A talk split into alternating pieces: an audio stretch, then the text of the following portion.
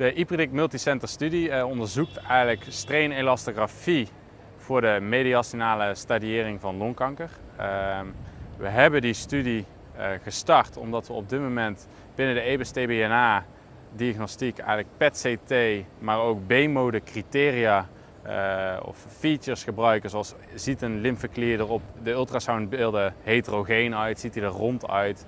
Um, en dat blijkt tot op heden eigenlijk nog niet voldoende voorspellend zijn geweest. Wat we met de e-predict-studie uh, ja, geprobeerd of getracht uh, te onderzoeken is oké, okay, PET-CT hebben we, we hebben de B-mode criteria. Hoe zit daar dan bovenop nog strainelastografie? En of is strainelastografie in zijn eentje dermate voorspellend dat we daar een conclusie mee kunnen geven of dat we een klier moeten aspireren of dat we dat niet hoeven te doen. De studie is uitgevoerd door vijf centra. Um, voorafgaand aan die uh, multicenter variant hebben we daarin al een uh, single center assessment studie gedaan in het Radboud UMC. Daaruit bleek hoe we moesten meten en wat de beste manier van meten was. Ook bleek daar al een voorspellende waarde in uh, binnen die lymfeklieren te zitten. Um, en dat hebben we bij die multicenter studie eigenlijk voortgezet. Um, daarbij hebben we vijf centra geïncludeerd. Um, en in totaal eigenlijk 500 patiënten zelfs. Uh, na een selectie kwamen we daarbij uit op we moeten de gouden standaard hebben, dus chirurgie. 300 patiënten, 525 lymfeklieren. en daarbij hebben we dan individueel eigenlijk gekeken naar oké, okay, EBUS, strainelastografie heeft dat een voorspellende waarde.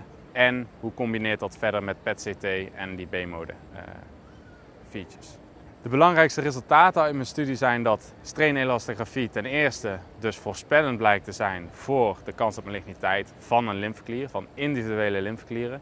En dat het daarbij bovenop ook nog eens gebruikt kan worden in combinatie met PET-CT en de uh, grootte van uh, de lymfeklier op B-mode ultrasound. Uh, de ideale uh, scenario wat we nu hebben geschetst is als je um, wel ultrasound hebt, maar bijvoorbeeld geen PET-CT of eigenlijk specifiek geen PET, wat zeker in meerdere landen uh, over de wereld nog steeds voorkomt, dan is het het beste om te kijken naar alle klieren die groter zijn dan 8 mm. Die moet je aanprikken. Zijn ze kleiner, gebruik dan ook strainelastografie om te verder te verifiëren dat als die, de lymfeklier niet stijf is, dat je hem dan niet hoeft aan te prikken. Um, en als PET-CT wel aanwezig is, dat je het dan combineert met is PET positief, is het negatief, kun je een verdere risicostratificatie maken met ultrasound weer. Um, en daar dan bovenop uiteindelijk strainelastografie.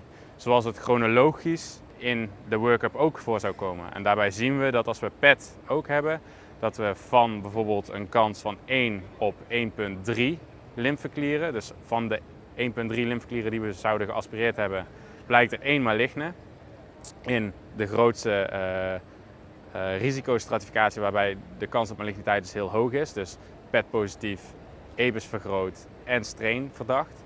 Naar 1 op 16 lymfeklieren maligne binnen de subset waar het PET negatief is.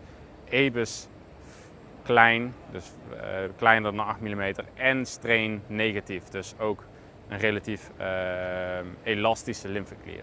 Nou, de conclusies en de implicaties voor de klinische praktijk zijn op dit moment ja, nog moeilijk met 100% zekerheid te zeggen. Uh, natuurlijk moet het nog verder gevalideerd worden, ook weer in een andere multicenter studie. Uh, maar wat bij onze bevindingen zijn zeker dat uh, strainelastografie een vaste plaats verdient in de kliniek.